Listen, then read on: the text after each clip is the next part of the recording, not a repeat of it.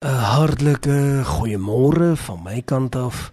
Liewe lekker FM luisteraars, groot eer en groot voorreg om vanmôre net hier op die golwe van die lig met jou te kan praat hier op 9 8.3 lekker FM, jou lekkerste FM in Pretoria en omgewing. En ek wil vanmôre vir jou sê die Here is nie doof nie. Vanmôre wil ek dit graag vir jou sê en ek wil dit hardop sê en ek wil dit duidelik stel. Die Here het nie 'n gehoorprobleem nie. En die Here is nie blind nie. Die Here weet wat aangaan en hy hoor wat aangaan. En hy hoor ook wat jy vra. Hy hoor jou hart en hy sien die trane en hy weet wat is jou behoefte en jou bekommernis. En baie maal het ons maar net nodig om te sê Here in u hande berus ek. Ek weet dat dit nie maklik is nie. En ek is die eerste een wat bieg. Ek erken dit, dis nie altyd die heel maklikste om te wag dat die Here praat of dat die Here dinge doen op sy tyd nie. Eh, maar een ding weet ek dat ons is mense en hy is God en daarom moet ons verstaan dat die Here sy tyd het waarin hy werk. En dit is vir my so groot eer en dit is vir my voorreg om vanmôre net so bietjie met jou te kan gesels. Die afgelope week het ons nogal uh, lekker gesels die laaste 2 dae en vandag is veronderstel gewees om die laaste dag te wees, maar ons kry ook so baie reaksie en daar is ook so baie om rondom hierdie gedagte te sê dat dit besmoontlik kan voortgaan daar by môre se kant, dalk ook Vrydag, ons sal sien hoe gaan dit. Maar wat vir my voorreg is is om daaroor te praat. En die konsep waaroor ons praat is die karakter van 'n man en 'n vrou wat goddelik is. Wat 'n goddelike karakter behoort te hê. En het ek dit nou al die afgelope 2 oggende gesê en ek sê dit nou waarlik vanmôre weer dat ons hoor dit baie ek as 'n seentjie toe klein was het baie gehoor dat al die menere en die juffrouens al die ooms en die tannies en almal wat autoritair in my lewe was sal van tyd tot tyd sê van watter stoffasie is jy gemaak? Van wat is jy aan mekaar gesit? En dit is die gedagte. Dit is die karakter. En omdat dit so 'n eilgesaaide kommoditeit is al hierdie gedagtes wat ek tot dusver toe genoem het is aanduidende faktore van waaraan ons moet werk. Wat is die tiklist? Jy weet, wat is die boksies wat ek gemerk het tot nou toe? Jy weet daar is dinge wat ek dalk nie het nie en wat ek kan erken. Onthou niemand is sit langs my nie. Ek hoor hierdie woord en ek weet daar is dinge wat ek aan moet aandag skenk. En dit is altyd 'n groot eer om te weet dat ek het geluister na die roepstem van die Heilige Gees om vir my te wys waaraan moet ek aandag skenk? En ek gaan aan dan vanmôre maar voordat ons begin, wil ek graag net vir jou vra. Kom ons sluit die oë en ons bid saam. Hemelse Vader, dankie vir u woord. Dankie dat ons op die beginsels van u woord kan werk. Here, ons stel belang aan niks anders behalwe u woord nie. Here, u woord is die absolute. En Here, ons is seker dat ons staan in die drie enige God.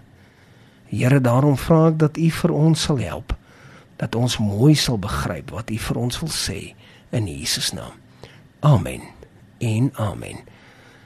So uniek om te praat oor van hierdie gedagtes en ek wil dit graag net as 'n verfrissing gou vinnig in jou midde kom los en wil ek graag dit vir jou noem en wil ek vir jou vra om daaroor te dink en En ons gaan as ek die verskillende karaktereienskappe, die gedagtes vir jou genoem het, dan wil ek graag aangaan met die konsep van groei.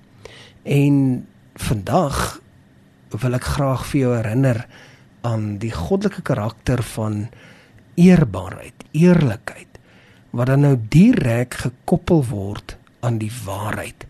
En hoe belangrik dit is en hoe arm die wêreld is want dis amper asof dit nie bestaan nie. Ek sien dit op 'n daaglikse basis. Ek sien dit eintlik die hele dag deur hoe dit doeteenvoudig net nie belangrik is om eerbaar te wees nie. Dat dit net nie belangrik is om die waarheid te praat nie. Dan die volgende gedagte is verantwoordbaarheid. Ook 'n konsep wat ek al so baie maal gesien het wat net nie bestaan nie. Jy sal eerder iemand sien wat laat kom vir werk en vroeg wil loop. Maar bitter min sal jy iemand kry wat eerder 'n bietjie vroeg inkom en 'n bietjie later loop. Jy sal eerder iemand kry wat sê dis nie my werk nie. As iemand kry wat sê, weet jy wat, ek sal verantwoordelikheid neem en ek sal dit doen. Ons moet baie versigtig wees dat ons ook nie onsself uitbrand nie. Daai is natuurlik weer 'n gesprek vir 'n ander dag. En dan is daar die konsep van dissipline wat daar in 1 Korintiërs 9:26 tot 27 nogal vasgevat is. En dan het ons gepraat oor die krag uh, situasie en jy kan daar gaan lees in Galasiërs 6:20 die sterkte en dan het ons gepraat van respek. Respek is een van die belangrikste sake in my lewe. Dit een van sekerlik die belangrikste gedagtes. En dan selfversekerheid. Jy moet selfversekerd wees. Uh, dit is nogal 'n ding wanneer dit tel. Nie oor oor selfverseker nie. Want dan raak jy nou 'n narcissus. Sê ek het hom verkeerd uitgespreek, narcissus. Ehm uh, ek het hom die Engelse weergawe vasgevat daar. Maar dan word jy nou dan grens jy nou weer daaraan en dis nou ook weer 'n fout wat 'n mens sal maak. Respek is die heel belangrikste gedagte want wanneer jy respek wys dan wys dit eintlik wie jy is. En vandag wil ek graag praat oor groei. En dit is nogal een saak wat mense nie altyd aan dink nie.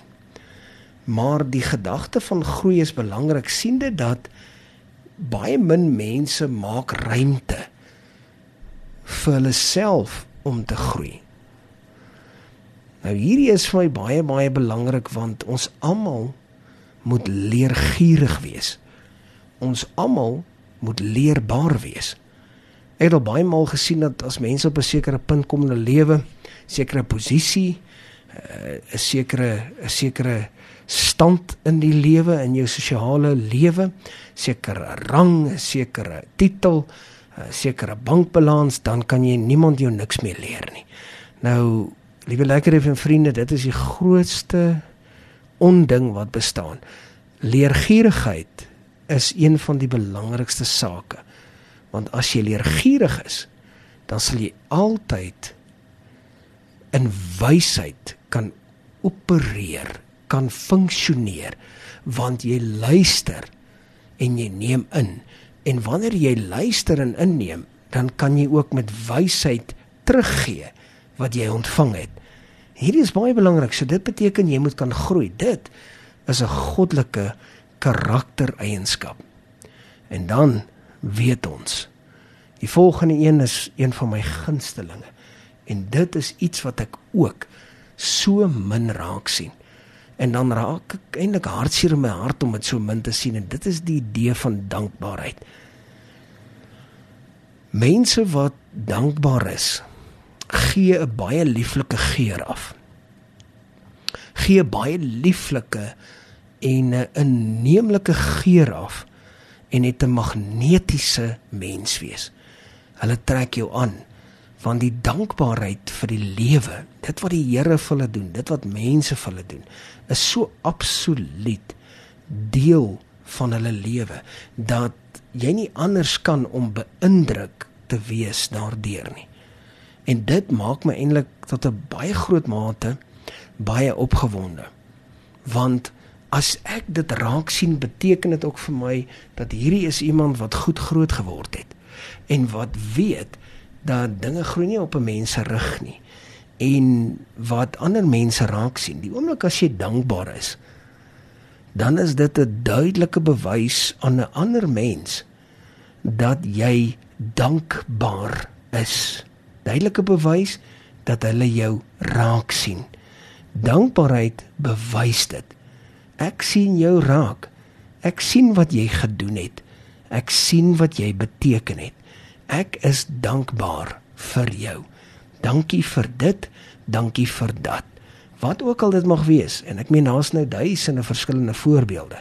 Maar jy sal baie vinnig agterkom in jou handel en jou wandel in jou lewe wat jy tans lei, sal jy baie baie vinnig agterkom wanneer om dankbaar te wees.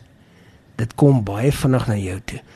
En jy gaan dit weet en dan is daar oomblikke wat jy kan besluit, gaan ek nou hier my dankbaarheid wys of gaan ek eerder net stil bly want ek dink ek is dalk belangriker of ek dink ek het 'n hoër posisie.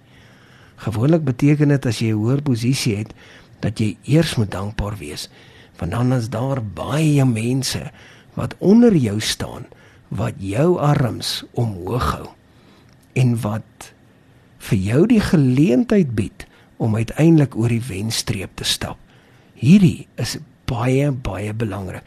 Ek wil amper so ver gaan as om vir jou te sê, gaan hou boek daarvan. Gaan skryf dit daar in jou in jou dagboek. Of as jy dit op 'n ander manier doen, doen jy dit op 'n ander manier, selfs in jou Bybel, maak nie saak waar nie. Skryf neer vir wat is jy dankbaar? Wat het die Here vir jou gedoen? Wat het die Here deur ander mense vir jou beteken?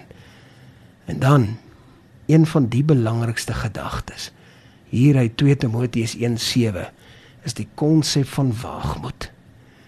Het jy waagmoed? Jy weet ek het dit ook al baie maal gesien. En hierdie is nie waagmoed uh basies om om jy weet soos 'n soos iemand te wees wat wat sy nek reguit skiet en en en dink dat dat uh, dit wat hy doen moet raak gesien word tipe van waagmoed nie. Ek praat hier van waagmoed om te doen wat reg is om te doen. En dis nie altyd die die keuse om te maak om gewild te wees nie. Ja, dis 'n baie ongewilde keuse. Baie keer wat voor jou voor jou voordeur staan of wat op die trappies op jou voorstoep lê om eerder dan waagmoed te hê te sê ek doen eerder die regte ding. Is nou hier waar hy invleel by dissipline dat ek gedissiplineerd moet wees om die werklike ding in die oë te kyk en dalk die waagmoed hê om dit te doen. En dan vleg hy ook deur na dankbaarheid toe daarin in Jakobus 1:17 waar hy duidelik duidelik dit ook daar mooi vir jou uitspel. En gaan lees gerus hierdie skrifgedeeltes want dit gaan vir jou iets beteken. Skryf dit neer en gaan bestudeer dit. Jy gaan uiteindelik sien dit is wat 'n goeie karakter opmaak. Dit is wat jy kan sê. Dit is die stoffasie waarmee ek aan mekaar gesit is en dit uiteindelik is wat die heel heel belangrikste is. Gaan toets dit. Gaan kyk maar daar in Spreuke 12:15 na die konsep van respek. Jy sal sien wat dit beteken. En daar is altyd altyd altyd nodigheid om respekvol te wees. Nie net vir hulle wat meer as jy is nie, maar vir hulle wat miskien dalk nie die die kapasiteit het wat jy noodwendig het nie. Tot sover die woord van die Here. Kom ons sit net so. Dan sluit ons die oë, dan bid ons saam. Hemelse Vader, Groot en heilig is U. Ons wil U eer vir wie U is. Here, U is waardig. En Here, ons weet dat ons U nie noodwendig kan groter maak as wat U is nie. Ons kan net U naam groot maak deur dan te sien hoe U hand groter en groter in ons eie lewe werk. En dit is uiteindelik alwaaroor dit gaan. Here, ek Ek wil graag bid vir ons lekker FM luisteraars wat vanmôre dan nou ook weer gehoor het en dat daar 'n klomp sake is miskien dalk wat ons hand in eie boesem in moet druk hoor. Here kom help ons daarin. Kom gee u seën en kom bring u ywer om dit juis te doen. Here dit is my gebed in die kosbare naam van Jesus. Here, ons bid dit nie omdat ons dit verdien nie, want ons kan niks verdien nie. Slegs deur genade. Amen. En amen.